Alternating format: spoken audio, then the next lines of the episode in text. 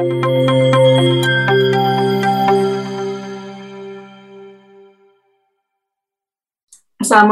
warahmatullahi wabarakatuh. Shalom, Om Swastiastu, Namo Buddhaya, Salam Kebajikan. Halo Alsanians, gimana nih kabarnya? Semoga tetap baik-baik saja ya, walaupun kita sedang berada di kondisi pandemi COVID-19 ini. Oh ya, di sini Alsa LCB punya yang baru loh, yaitu Suara Alsa. Kami, Multimedia Division, akan mempersembahkan Alsa LCUB Podcast Tujuannya untuk dapat mengedukasi generasi muda, terutama mahasiswa, agar bisa lebih memahami terkait kehidupan kampus dari sisi mahasiswa hukum dan pastinya Alsa Indonesia. Podcast kali ini akan dipandu oleh saya sendiri, yaitu Audia Jasmine Safitri atau biasa dipanggil Jasmine sebagai moderator. Nah, pada kesempatan kali ini kita kedatangan narasumber yang luar biasa nih teman-teman, yaitu Kasena Briantoro Ramadan Suditomo dan Kanur Zaskia Enita Puspadewi. Halo Kak Sena dan Kak Zaskia, apa kabar nih? Halo Jasmine, baik-baik. Hai Jasmine, baik. Baik. Uh, buat teman-teman nih yang belum tahu siapa itu Kak Sena dan Kak Zaskia, Kak Sena merupakan Presiden ALSA Indonesia periode 2021-2022 yang berasal dari Universitas Pajajaran. Dan Kak Zaskia merupakan Chief Officer of Foreign Affairs and Partnership ALSA Indonesia periode 2021 dan 2022 yang berasal dari Universitas Brawijaya. Keren banget kan teman-teman narasumber kita kali ini. Oh ya, Kasena sama Kak Zaskia lagi sibuk apa nih sekarang? Uh, dari Kasena dulu deh boleh? Oke, kalau aku sih lagi sibuk kuliah aja, sama lagi ngalsa aja sih Jasmine. lagi lagi panas-panasnya mau ngalsa. Oke. Okay. Kalau Kak Zaskia gimana nih Kak? Aku kurang lebih sama sih, masih sibuk kuliah sama sibuk ALSA karena kan udah mau rapimnas kan, rapat, rapat pimpinan nasional. Sekarang kakak-kakak semester berapa nih? Aku sekarang semester 6, Jasmine. Semester 6. Kalau aku semester 4. Semester 4. Oke. Okay. Nah, uh, kita kan sekarang lagi mengalami ekonomi eh, pandemi COVID-19 ini ya. Nah, gimana nih suasana kuliahnya di Unpad atau di UB? Uh, perbedaannya gitu mungkin? Hmm, coba dulu Zaskia dulu ya. Boleh?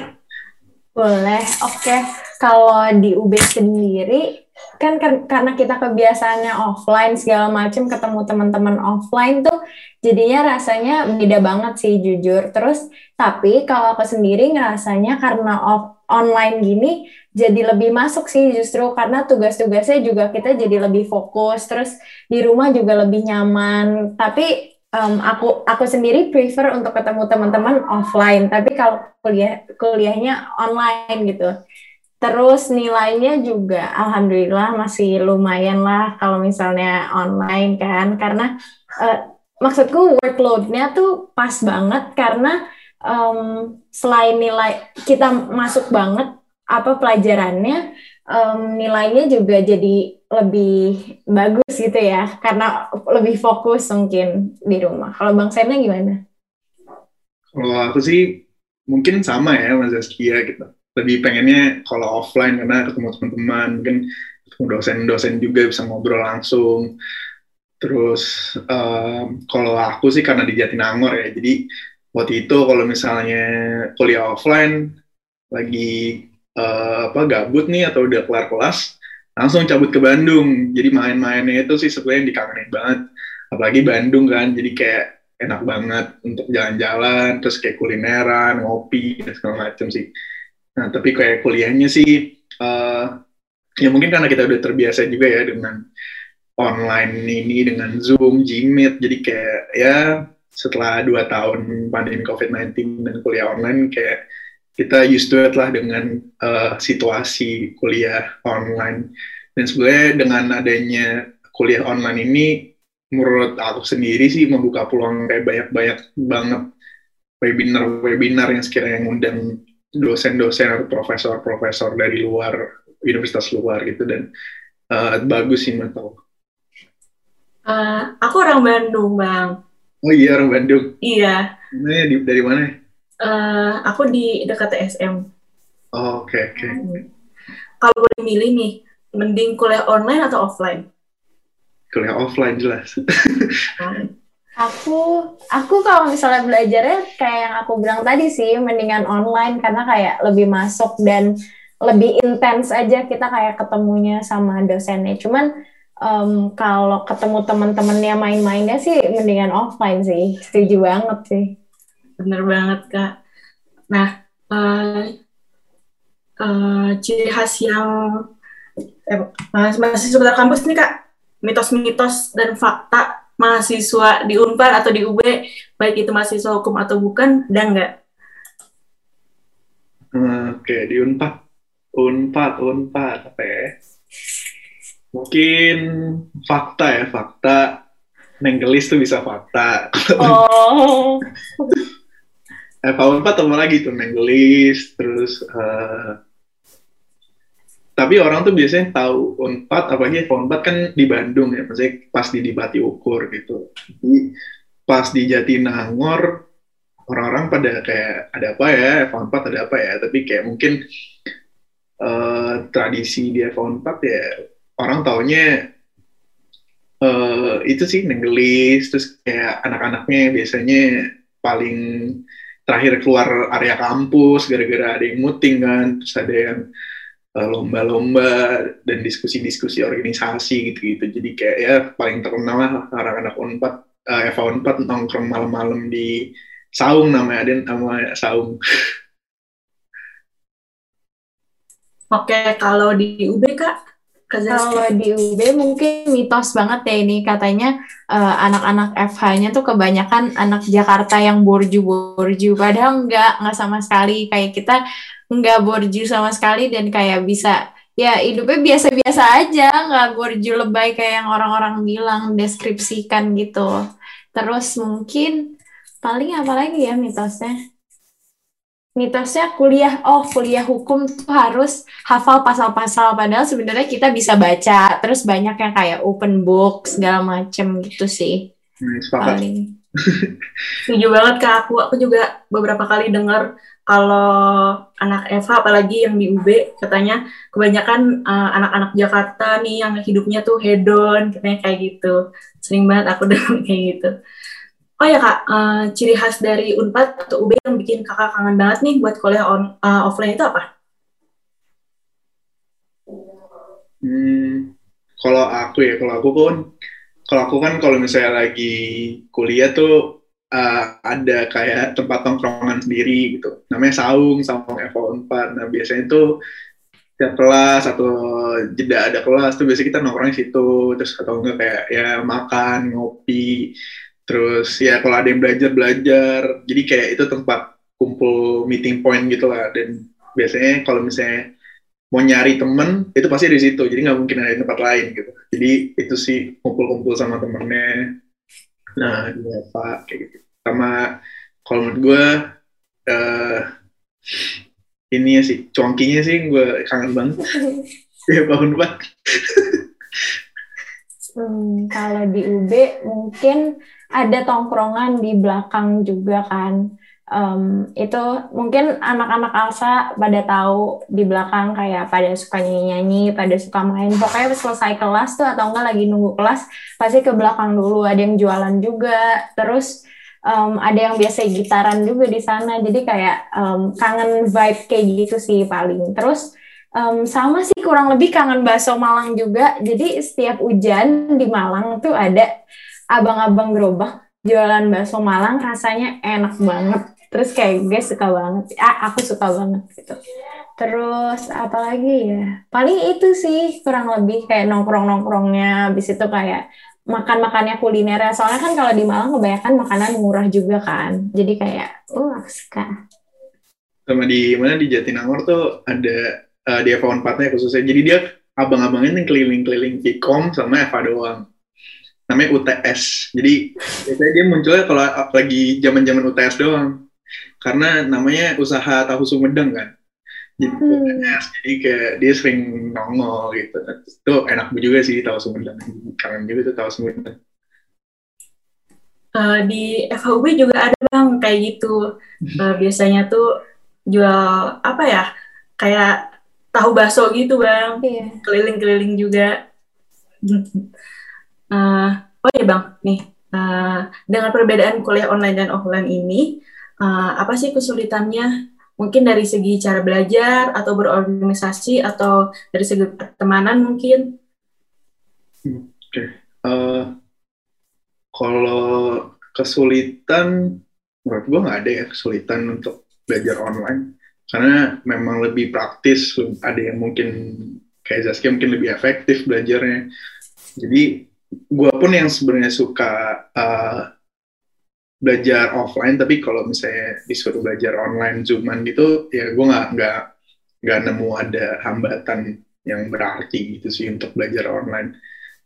Uh, pengen ya itu sih dan sebenarnya kita gara-gara ada pelajaran online jadi kita tahu apa kayak sekiranya buku-buku bisa kita download secara online terus kayak kalau kita sering main TikTok atau gimana-gimana kan ada kayak hidden gem website yang sekiranya bisa dipakai untuk belajar online nah, menurut gue sih kayak itu sangat-sangat membantu sih Hmm, Oke, okay. kalau menurutku sendiri sih paling kalau belajar online lagi-lagi menurutku nggak ada nggak terlalu banyak ya hambatannya. Cuman untuk acara-acara di Alsa sendiri mungkin ada yang kita nggak bisa ketemu face to face, yang forum gitu, yang harusnya kita ketemu kenalan sama banyak orang secara face to face tuh jadi nggak dapat nggak begitu dapat esensinya meskipun emang akhirnya tetap harus forum dan tetap forum juga sih di online, cuman um, kurang kurang kena gitu, karena kan nggak begitu kenal-kenal juga kan akhir-akhirnya. Hmm, paling itu aja sih kesu ke kesulitan, nggak kesulitan juga, cuman kayak kekurangan lah. Benar banget sih kak, aku juga ngerasain itu, apalagi kita udah satu tahun lebih ya berada di rumah ini, jadi segala interaksinya mau dengan teman atau uh, partner organisasi atau member baru alsanya jadi sedikit terhalang karena kita nggak bisa bertatap muka itu. Tapi ya dengan adanya kesulitan-kesulitan itu pasti kita menemukan banyak cara untuk tetap saling merangkul ya. Betul kak? Ya, benar. Oh, oh ya, kakak-kakak kan sekarang uh, bertugas di National Board nih ya. Yang kita tahu pastinya nggak mudah banget untuk sampai di titik sekarang ini. Boleh dong kak diceritain ke teman-teman pendengar perjuangan awal mulanya gimana di ALSA dari awal di LC-nya masing-masing sampai sekarang di NB? Silakan Bang Sena dulu deh. Boleh Bang Sena. Gak apa-apa nih panjang nih ceritanya nih. Gak apa-apa Bang, boleh. Mumpung ini UB juga nih ada hubungannya dengan Bang Gogon. Halo Bang Gogon, kalau lagi denger izin cerita ya Bang Gogon. uh, jadi ceritanya itu pada saat gue maba, maba gitu Jasmine. Uh, pada saat gue maba, gue itu dapet uh, acara nasional, seminar musyawarah nasional atau Semunas pada saat itu di Bandung, Kak. Yang hostnya Unpad. Habis itu gue daftar staff LO. Nah, pas pembagian LO, itu gue dibilangnya dapatnya UB. Terus Berjaya. Terus pas uh, gue dibilang UB, terus kayak orang, semua orang kayak, wuh, gitu kan. Terus kayak, kenapa orang kayak gitu? Terus ternyata waktu itu angkatan 16 17 bilang, ngurusin, ngurusin capres gila, ngurusin capres pak, gitu kan terus kayak capresnya siapa gue belum tahu gitu gitu terus akhirnya gue ketemu lah sama delegasi-delegasi UB kayak Bang Ian, Bang Gogon, Bang Andong gitu kan. Udah pada saat di Sunas ngurusin teman-teman UB, ngurusin delegasi UB, apalagi ngurusin Bang Gogon kan. Beliin Bang Gogon inget banget laser pointer buat presentasi terus kayak ya banyak ngobrol lah Bang Gogon. Terus kayak ya waktu itu gue juga sempat nanya kayak bang lo nggak uh, kok mau jadi presiden bang? Gitu kan. Emang nggak berat bang? Gitu. Terus kayak ya dia jelasin ke gue gitu kan. Terus ya udah akhirnya uh, bang Gogon kepilih nih jadi presiden. Nah habis itu uh, dia ngajak Alsa Forum juga EF di Cebu pada saat itu di Philippines. Ya udah akhirnya gue ikut di uh, EF Cebu dan akhirnya sekamar nih sama bang Gogon di hotel Nah, habis itu banyak lagi lah tuh ngobrol-ngobrol, Bang, gimana rasanya jadi presiden sejauh ini gitu kan. Udah, makin dekat, makin dekat, terus akhirnya gue mikir kayak, kayak gue pengen deh, kayak gue pengen deh jadi presiden gitu kan. Itu pada saat EF Sebu tuh pikiran itu. Dan di EF Sebu pun ada Bang Alkais juga kan. Jadi kayak ya lumayan udah kenal Bang Gugon, Bang Alkais, terus kayak ya udah tiba-tiba mikir-mikir-mikir uh, abis itu ikut lagi ASA conference di Seoul uh, Korea. Di situ benar-benar udah memiliki pikiran yang matang lah mau nyapres gitu kan. Ya udah abis itu balik dari AC uh, semingguan balik dari AC gue ngomong ke teman-teman LC gue kayak uh, kayak declare gitu deh kayak gue pengen nyalon presiden Alsa nih uh, tolong bantu gue mohon doa restu sama uh, mohon doanya supportnya segala macam dan, itu gue ngomong sejak Juli dari Juli itu gue ngomong teman gue dia namanya Tata uh, habis itu kita uh, drilling angkatan dulu nah habis itu mulai drilling kencengnya itu di sekitaran September atau Oktober gitu. Jadi gue drilling dari September, Oktober, November, Desember, Januari, Februari, Maret. Itu uh, proses gue nyalon presiden sih kayak gitu. Jadi emang pikirannya emang udah dari maba pas gue FCMU gitu. Hmm, Oke. Okay. Kalau mungkin aku ceritain aku juga ya Jasmine. Boleh. Oke, jadi pas aku awal masuk UB, aku tuh fix langsung masuk Alsa kan, karena salah satu abangnya temenku tuh Alsa juga, terus dari awal kayak, tapi Alsanya di LC UGM, terus uh, dia kayak, oh pokoknya nanti lo kuliah kalau emang jadi FH, lo masuk Alsa, itu udah kayak di jalurnya lah, terus um, pas awal aku OMA, aku ngeliat ada Karegina namanya yang sekarang jadi VP TED di Alsa Internasional. Dia datang ke aku, terus dia promosiin tentang Alsa Internasional segala macam. Terus sejak saat itu aku pengen banget ada di International Board dan aku juga sempat daftar tapi mungkin belum rezekinya dan emang ternyata jalannya di Alsa Indonesia gitu. Um, kenapa aku pilih VP eksternal karena ya seperti aku bilang tadi, aku tuh pengen banget ada di hubungan dengan sesuatu yang internasional karena menurutku itu pathway pathwayku lah gitu. Terus akhirnya aku uh, daftar jadi um, Chief Officer of Foreign Affairs and Partnership ini karena um, menurutku benefitnya juga banyak gitu. Selain aku kenal sama orang-orang di ranah nasional, aku juga bisa ngasih impact yang lebih banyak, termasuk ke UB juga melewat melewati aku ada di ranah nasional ini. Terus um, menurutku impact yang aku bisa kasih tuh sebenarnya kenapa aku awalnya pengen Alsa Internasional karena itu dan karena um, kalau nggak salah Mbak Nana atau Najwa Shihab tuh juga tadinya sekjen Alsa Internasional makanya aku pengen uh, pengen ada di ranah nasional lah itu kayak role modelku. Tapi akhirnya emang aku ada di Alsa Indonesia terus I like it being here apalagi presidennya Bang Sena cie. Terus ya udah gitu deh. Akhirnya aku jadi Chief Officer Foreign Affairs and Partnership. Jadi kakak-kakak ini udah punya mimpi dari lama ya berarti Keren banget ya teman-teman. Uh, perjalanannya ini panjang tapi pasti setimpal ya dengan apa yang udah kakak-kakak capai ini. Nah, dengan itu kakak kakak-kakak udah puas belum dengan apa yang udah didapatkan sekarang ini?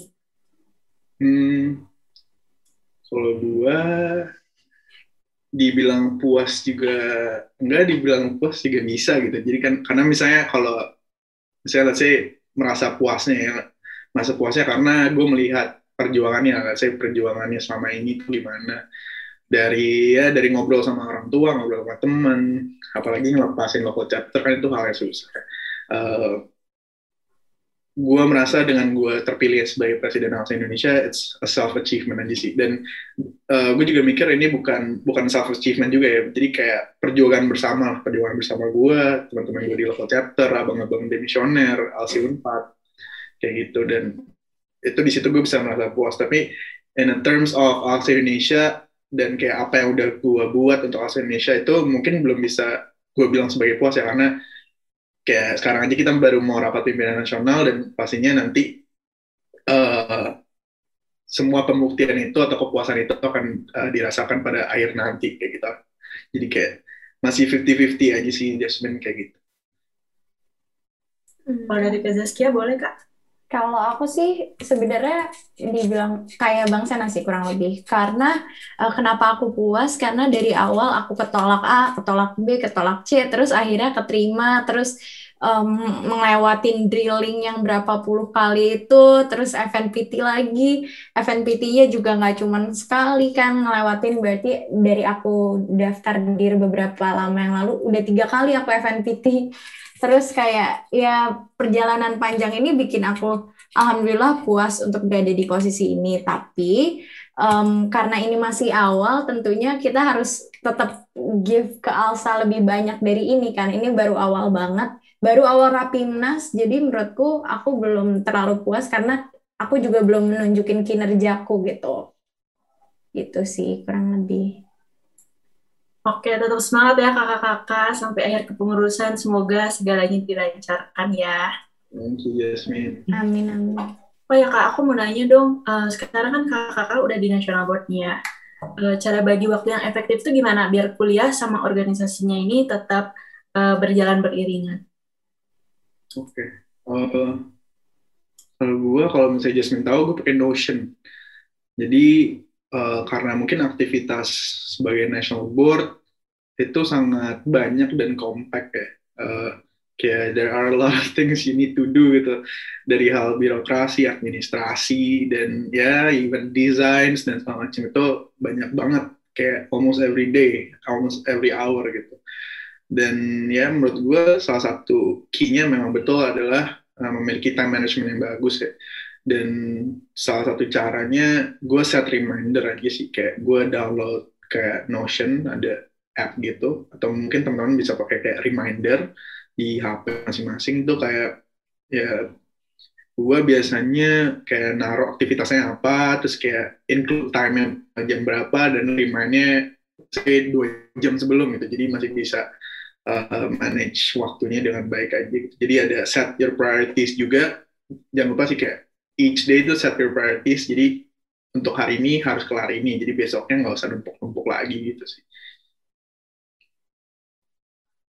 Oke, kalau aku sih lebih ke jadi setiap aku dapat tugas, aku langsung kerjain. Kayak misalnya aku dapat email, aku harus forward email, itu langsung aku kerjain setelah dapat emailnya. Soalnya kan kalau uh, Foreign Affairs and Partnership ini berhubungan dengan banyak email, banyak orang. Jadi setelah aku interaksi sama orang, aku langsung ngelakuin apa yang disuruh. Misalnya disuruh buat perjanjian kerjasama, langsung dikerjain. Jadi langsung selesai juga gitu. Terus um, aku juga sama kurang lebih paling aku masukin ke Google Calendar. Itu juga salah satu cara ya untuk aku inget tugasku apa misalnya di Alsa ada apa, terus di sekolah ada, eh di kuliah ada apa, aku baginya pakai Google Calendar sih. Dan intinya kalau ada tugas langsung kerjain gitu, jangan ditunda-tunda biar nggak numpuk. Gitu sih aku. Berarti uh, kita harus tahu ya kak mana nih prioritasnya, tugasnya. Kalau bisa diselesaikan uh, hari itu langsung diselesaikan hmm. dan biar nggak lupa bisa ditulis uh, reminder kayak gitu ya. Hmm. Nah, aku mau nanya nih Kak, selama di ALSA, di local board atau di national board, uh, ada pengalaman yang paling gak bisa dilupain nggak atau paling berkesan gitu? Uh, satu aja. Ceritain apa boleh? Uh, selama di ALSA, let's say ya, nggak apa ya? Selama di ALSA. Boleh Bang.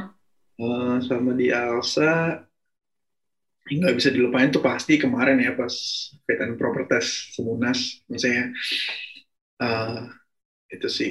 Itu salah satu hal atau momen menegangkan sama hidup gua.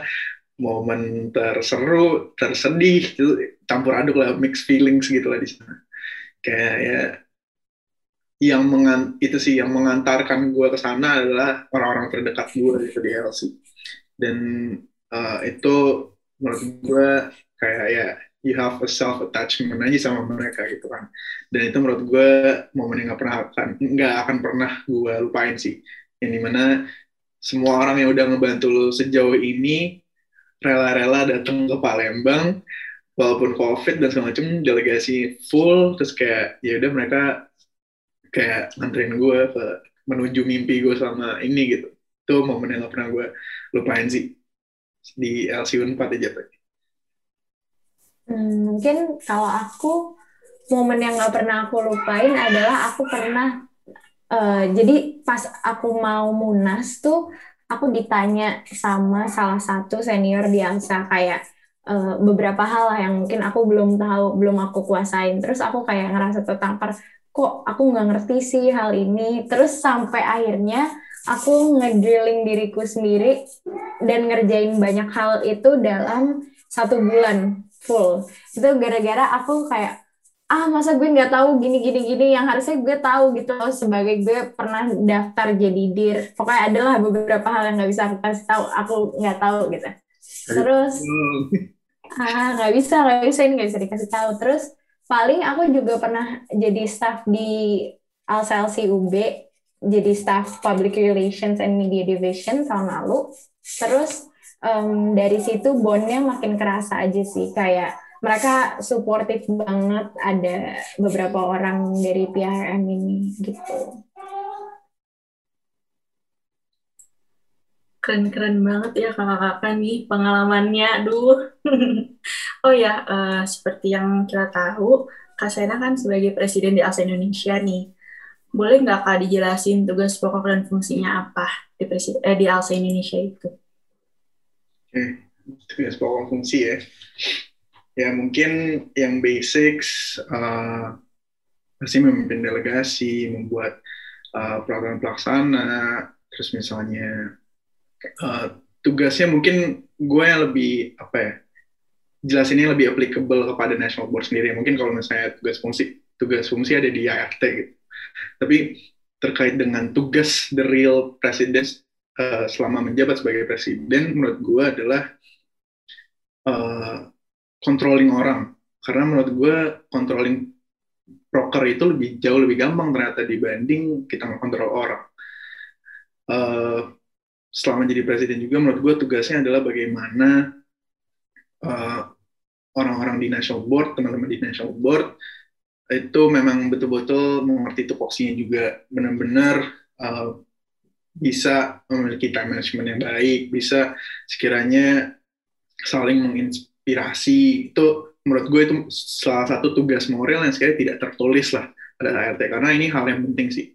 Kalau misalnya yang tertulis di ART ya udah itu bisa dibaca dan mungkin bisa diaplikasikan. Tapi banyak sekali orang-orang yang nggak ngelihat bahwasanya jadi presiden itu lebih dari apa yang tertulis di ART kayak misalnya gimana caranya lo jadi presiden jadi pemimpin di satu organisasi dan lu bisa saling inspire gitu. Bukan. Jadi gimana caranya lu membuat satu lingkungan kerja yang enak karena it starts from you gitu. Kalau bukan dari lu siapa lagi? Dan itu salah satu hal yang penting menurut gue yang di mana sebagai pres uh, keberadaan gue harus ada di situ. Dan ini applicable bukan untuk presiden dong, yang mungkin untuk director, untuk siapa pun itu lah dari uh, head atau misalnya kepala divisi, wakil kepala divisi ini hal yang penting gitu membuat suatu working environment yang enak itu pasti kerjaannya enak dan pasti hasilnya juga bagus. Habis itu tugas sebagai presiden juga harus uh, apa ya selalu hadir gitu ya, maksudnya kayak harus standby gitu. Ada ini harus ada harus selalu ada harus ada ini harus selalu ada gitu. Jadi standby terus benar-benar apa ya ada di, di kalau bisa ada di semua tempat NB gitu. Jadi kayak kalau misalnya ada apa-apa harus kita harus langsung mau assist gitu. Jadi uh, saling membantu walaupun mungkin secara struktural uh, gue di atas tapi uh, presiden itu juga kalau bisa ke bawah gitu kayak tanya kayak uh, gimana susahnya sekarang ada hambatan apa? Terus kayak misalnya apa yang bisa dibantu? Terus kayak kalau misalnya bisa bantu bantu aja gitu sih mungkin tugas tidak tertulisnya sebagai presiden. Nah itu teman-teman, siapa tahu nih pendengarnya ada calon-calon presiden di periode selanjutnya ya Bang. Boleh. Nah, buat Zaskia nih sebagai Chief Officer of Foreign Affairs and Partnership, boleh juga dong Kak uh, dikasih tahu tupoksinya. Siapa tahu nih teman-teman pendengar uh, pengen nih posisi kakak di uh, pengurusan selanjutnya. Amin, ada yang mau lanjutin ya. um, Sebenarnya sih, aku mau nambahin Bang Sena kali ya. Bang Sena tadi gue gue nggak tahu cuman aku ngelihatnya Bang Sena as always trying to show kayak he's in a good mood meskipun I know mungkin uh, he's having a rough day atau gimana dia tuh gue nggak tahu ya dia selalu kayak ceria gitu nggak ngerti apa emang orangnya gitu atau emang he's just being professional gitu kayaknya sih both kali ya. Cuman gue one thing I notice from Bang Sena tuh dia kayak gitu kayak selalu trying to give the fun vibe terus kayak selalu hahaha selalu seneng gitu lah. Tapi um, oke okay, balik lagi kalau ke tupoksi dari eksternal sendiri kayak namanya Chief Officer of Foreign Affairs and Partnership. Pertama Foreign Affairs ngurusin hal-hal yang berbau dengan mungkin angsa internasional dengan hal-hal um, yang um, keluar gitu. Kayak uh, misalnya hubungan kita dengan national charter lain dengan um, international board terus kayak mengirim delegasi dari local chapter ke um, acara internasional kayak gitu. Kita assist lebih ke assist um, delegatesnya gitu. Terus kita juga um, bikin partnership sama uh, sama company atau sama lembaga-lembaga um, yang emang dibutuhkan sama Alsa Indonesia kayak misalnya kita ada partnership sama hukum online sama Ditjen Pas kayak gitu-gitu jadi kita lebih ke uh, jadi penyambung lidah lah orang penengah dari Alsa Indonesia ke pihak ketiga atau pihak di luar Alsa Indonesia gitu sih. Mungkin aku izin nambahin juga ya Jasmine. Kayak tadi Zaskia sempat ngomong sebagai penengah itu itu betul banget sih kayak national board itu bisa dibilang sebagai penengah semua elemen gitu. Misalnya kayak uh, ada kayak fungsi sebagai presiden itu membantu local chapter dalam menyelesaikan masalah-masalah dan itu tuh salah satu fungsi dari presiden untuk sekiranya membantu lah membantu meredakan masalah di local chapter sendiri dan jadi national board ini sebagai penengah gitu terus misalnya uh, secara eksternal kayak Zaskia itu menjalin kerja sama juga dan kayak uh, memberikan arahan arahannya juga uh, ke NB atau misalnya ke LC juga bisa terus kayak mengawasi persiapan dan semacam gitu sih. Tapi dari tugas-tugas yang tadi udah dikasih tahu sama kakak-kakak aku setuju banget kak dengan uh, kita nih harus punya lingkungan kerja yang enak. Karena uh, kita nih udah punya tugas-tugas yang bisa dibilang berat ya. Jadi kalau misalkan lingkungan kerjanya nggak mendukung kita buat lebih santai, lebih rileks gitu, pasti akan terasa lebih berat gitu.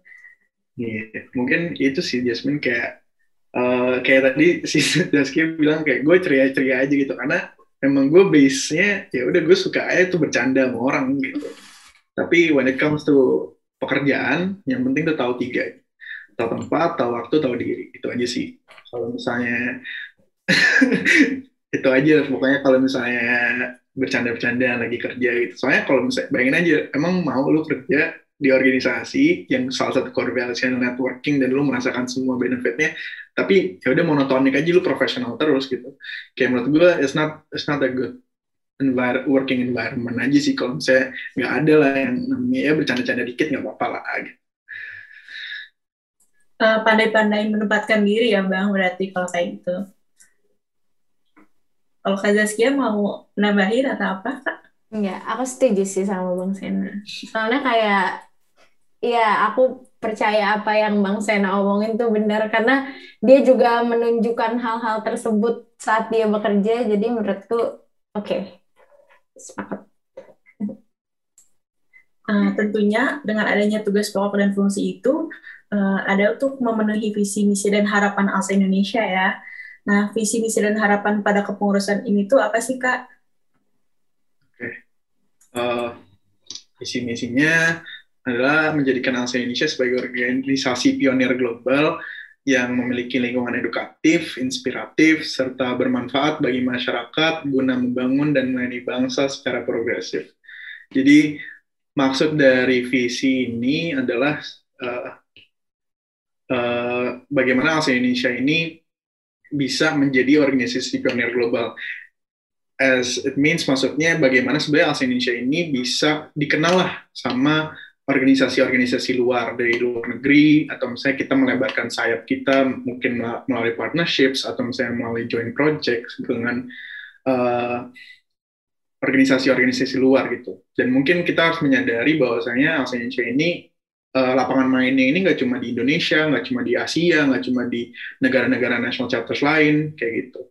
Dan salah satu hal yang uh, gue point out juga di sini adalah lingkungan edukatif yang pastinya ya sebagai organisasi mahasiswa hukum, apalagi ALSA gitu, kita harus menawarkan sesuatu hal yang edukatif gitu ke setiap members ataupun masyarakat luas gitu. Dan di sini gue juga menerapkan uh, inspiratif, ini mana karena salah satu misi ALSA Indonesia sekarang adalah untuk meningkatkan uh, engagement members uh, di setiap program kerja ALSA Indonesia. Jadi misalnya Jasmine gitu, uh, jadi moderator uh, ALSA Indonesia Talks, kayak podcast juga yang dimiliki oleh National Board. Terus narasumbernya, let's say Jokowi, pasti teman-temannya Jasmine di UB kayak wah gokil banget Jasmine bisa ngobrol sama Jokowi kayak teman gue itu teman gue gitu kan kayak dan itu salah satu menurut gue tuh menurut gue itu salah satu hal untuk bisa nge-inspire teman-teman UB lain gitu dan itu adalah salah satu kunci untuk Asa Indonesia bisa meningkatkan engagement members lebih dan yang terakhir uh, untuk uh, bermanfaat bagi masyarakat uh, guna membangun dan melayani bangsa secara progresif. Nah ini menurut gue adalah uh, poin yang penting ya Jasmine karena uh, mungkin sebagai anak hukum banyak nih masyarakat luas yang sekiranya uh, buta hukum lah awam tentang hukum. Nah dengan program-program yang kita bawa yang kita tawarkan sekiranya ini bisa uh, membangun uh, revolusi mindset atau revolusi mental orang-orang gitu di Indonesia uh, dan bagaimana revolusi mindset atau revolusi mental orang-orang di Indonesia ini uh, bisa membangun gitu, membangun Indonesia, membangun uh, bangsa gitu secara progresif. Mungkin itu sih visinya. Uh, harapannya gitu bang atau Fazaskia mungkin Mungkin Bang Sena aja deh kalau harapan. harapannya ya, harapannya uh, yang gue mau pastinya uh, harus ada uh, tali kekeluargaan yang lebih secara internal ya harus ada tali kekeluargaan yang lebih antara members dan juga local chapters. Habis itu bagaimana setiap program kerja Indonesia ini bisa bermanfaat bagi masyarakat bukan hanya untuk members uh, dan bagaimana uh, sekiranya bangsa Indonesia ini bisa lebih terekspos, lebih well known gitu secara internasional. Uh, balik lagi sebenarnya kayak ke, pada tadi yang membangun dan melayani bangsa secara progresif, ini gue juga sempat diskusi lah sama alumni. Karena mungkin ya mungkin apa yang gue bakal bilang ini kontroversial, tapi kayak ya kita tahu lah sekarang praktik hukum di Indonesia tuh nggak banget gitu. Kayak we all know that gitu. Bagaimana caranya kita membangun praktik hukum yang baik dan benar yaitu pasti kuncinya adalah edukasi. Pasti kuncinya adalah uh, pembelajaran bagi setiap individu. Pada saat individu ini, let's say member atau masyarakat yang ikut program kerja Alsa Indonesia sekarang, mereka mendapatkan benefitnya, mereka mendapatkan hal yang benar untuk diterapkan di dunia pekerjaan, dan nantinya mereka akan menerapkan itu pada saat mereka kerja. Gitu. Dan dia bakal bilang kayak, oh pas gue ikut webinarnya Alsa, eh pas gue ikut diskusinya Alsa, kayaknya untuk praktik kayak gini lebih benernya kayak gini deh. Gitu. Jadi itu edukatif dan juga itu adanya uh, revolusi mindset yang sekiranya uh, bisa dibangun sama setiap individu. Itu maupun itu, mau itu members ataupun uh, masyarakat luas. Oke. Mungkin aku nambahin dikit kali ya, Jasmine boleh terkait harapan mungkin kita um, kembali ke core value kita yang four pillars of Alsa itu mungkin Jasmine hafal ada internationally minded, legally skilled, socially responsible sama academically committed. Harapannya kalau aku sendiri sebagai Chief Officer of Foreign Affairs and Partnership aku bisa um, membantu mungkin teman-teman local chapters, teman-teman national chapter lain, teman-teman ya teman-teman Alsa lah untuk um, menjadikan dirinya memiliki core values of ALSA itu, for pillars of ALSA itu. Jadi mereka akan lebih internationally minded mungkin dengan project yang nanti aku bikin dengan national chapter lain atau enggak mereka lebih legally skilled dengan partnership yang aku bikin dengan mungkin company-company, law firm law firm lalu um, bisa lebih socially responsible karena um, mungkin dari acara-acara social event terus also academically committed mereka akan mencontoh kita misalnya national board yang um, bisa bagi waktu lah antara um, kuliah, antara organisasi dan lain-lain. Harapannya harapannya sih kita bisa um, membuat each members grow gitu. Keren banget ya teman-teman visi, misi dan harapan ALSA Indonesia ini. Aku yakin banget setiap kepengurusan ini pasti berusaha sebaik mungkin untuk membawa nama Alsa Indonesia menjadi lebih baik. Uh, ya kak, aku pengen tahu dong uh, inovasinya nih sama upcoming eventnya. Uh, spoilerin sedikit gitu kak boleh? Di Zaskia atau mungkin di eksternal ada ya Zas? Ada. Kalau aku sendiri, aku bawa inovasi namanya Alsa Virtual Exchange. Jadi nanti akan ada pertukaran, semacam pertukaran antara kepengurusan di Alsa Indonesia, mungkin dari local chapters, local chapters, teman-teman local chapters yang mau daftar, sama Alsa National Chapter lain. Jadi nanti kita bisa melihat um, cara mereka kerja, work ethic di national chapter lain tuh kayak gimana sih? Apakah kayak di Indonesia atau enggak cara mereka nyusun deadline segala macamnya uh, budaya kerja mereka kurang lebih kita bisa ngelihat itulah nanti dari Alsa Virtual Exchange terus kita juga uh, bisa bertukar pikiran sama mereka misalnya mereka ada program apa struktur mereka kayak gimana kalau dari eksternal sih itu sih Oke, okay. uh, eh, mungkin gue jelasin apa yang gue bawa pada saat Semunas ya. Ada tiga inovasi program kerja Uh, yang pertama tuh Alsa Indonesia Talks. Mungkin uh, kurang lebih sama nih kayak apa Alsa Indonesia, uh, Alsa podcastnya UB ini.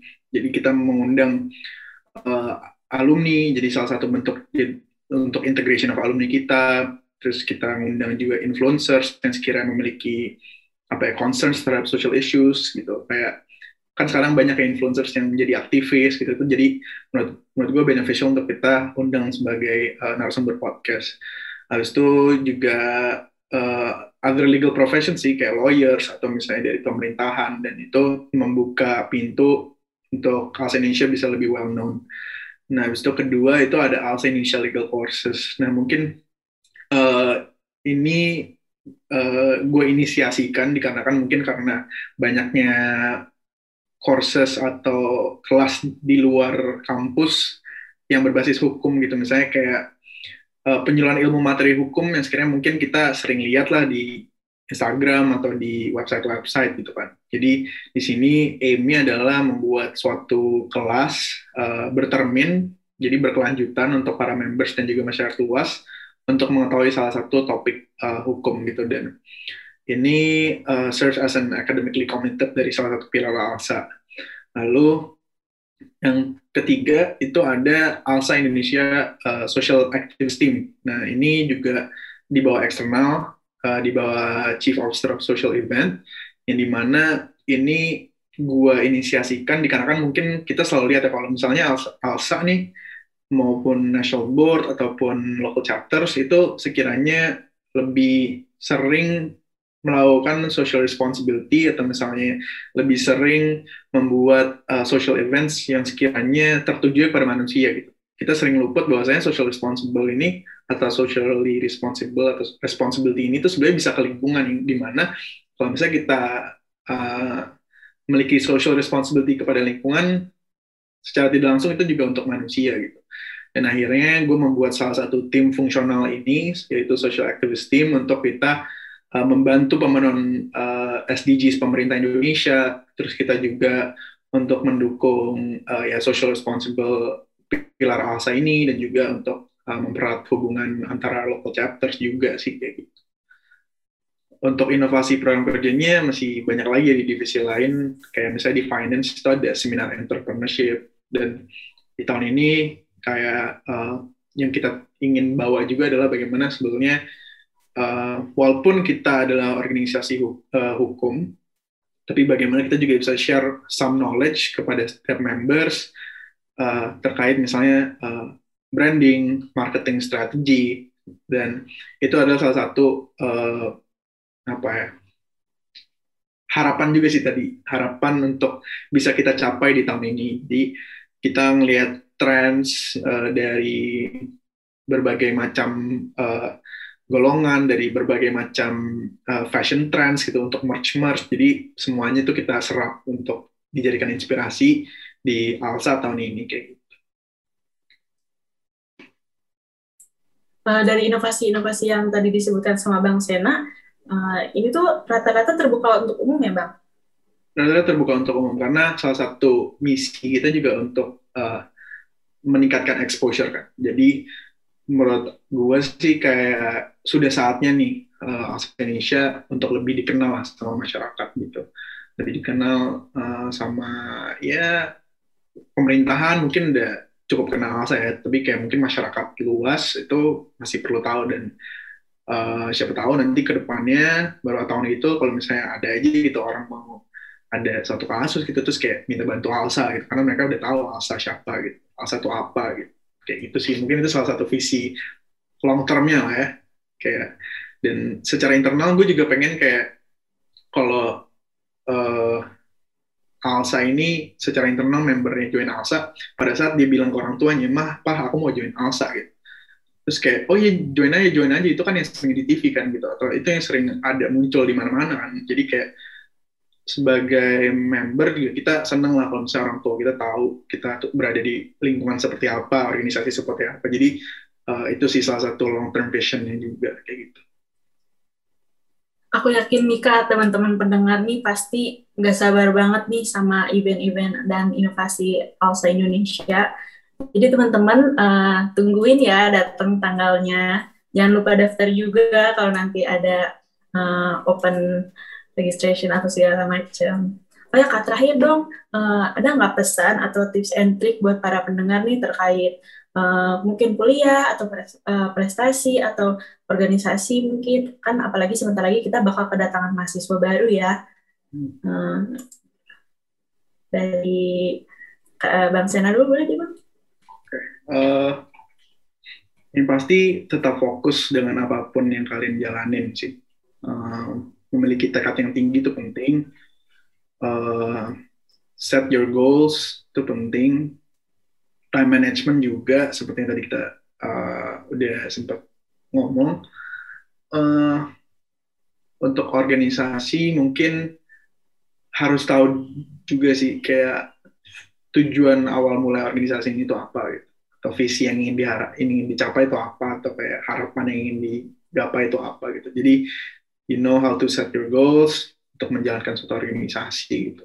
Untuk untuk organisasi mungkin itu sih, tapi kalau untuk kuliah ya fokus, uh, jangan sampai bolong-bolong atau kuliah sama organisasi, karena mungkin ya mau sesibuk apa pun prioritas lo akan kuliah gitu. Kayak kalau di Unpad tuh ada yang bilang kayak also always be one, tapi kuliah always be nol gitu. Jadi kayak lo harus harus memprioritaskan kuliah sebelum alsa walaupun kita ya cinta dengan Alsa atau kita mengabdi kepada Alsa gitu, tapi kuliah tetap prioritas nomor satu gitu. Dan ya ini ya yang berjalan beriringan itu ya tadi ya. Beriringan juga sih kayak fokus aja sih menurut gue. Kayak enjoy aja enjoy. Oke, okay. mungkin kalau dari aku pesannya um, kurang lebih sama tetap nomor satu akademik, um, tahu bahwa akademik itu kewajiban kita kepada orang tua, tanggung jawab kita kepada orang tua. Kita udah kuliah susah-susah, masa diremehin sih. Terus um, mungkin karena kuliah tuh waktu terakhir kita mungkin bisa sekolah, bisa main-main. Mungkin kalau ada yang S2 nggak tahu deh. Tapi um, kita kalau bisa explore sebanyak mungkin. Kalau misalnya kayak kita ikut ALSA bisa ikut organisasi-organisasi lain. Um, yang menurut kalian pas untuk kalian ya ikutin aja. Terus um, if you have kayak ambition go for it. Jangan kayak malu-malu karena again ini terakhir kita bisa explore diri kita sendiri. Umur-umur segini kan kayak kita mm, nyari jati diri lah kurang lebih. Jadi menurutku explore apa pun yang kalian mau dan kalau udah ada yang pas ya stay there and be the best in everything that you do gitu sih menurutku. Sama ini sih perbanyaki diskusi dengan dosen itu penting. Itu penting banget buat gue. Karena belakangan ini gue merasakan itu kayak perbaik uh, perbanyak uh, diskusi dengan dosen tuh sangat-sangat membantu di kuliah ya. Nah, itu teman-teman jangan lupa ya dicatat. Uh, dan kita tunggu juga nih teman-teman jadi bagian dari Alsa. Uh, kita welcome banget nih teman-teman. Oh ya, uh, tadi itu uh, pesan dan uh, tips and trik dari kakak-kakak ini bisa kita terapkan di kehidupan kampus kita ya. Uh, terima kasih juga nih kepada Bang Sena dan Kak Zaskia yang sudah berkenan menjadi narasumber di Alsa LCUB podcast episode kali ini. Saya Audi Jasmine Safitri, pamit undur diri dan memohon maaf apabila ada salah kata. Oh ya, selamat lebaran juga untuk teman-teman yang merayakan. Mohon maaf lahir dan batin. Assalamualaikum warahmatullahi wabarakatuh. Shalom, Om Santi Santi Santi Om, Namo Buddhaya, Salam Kebajikan. Together will be connected as one, Alsa, always be one. Sampai jumpa teman-teman.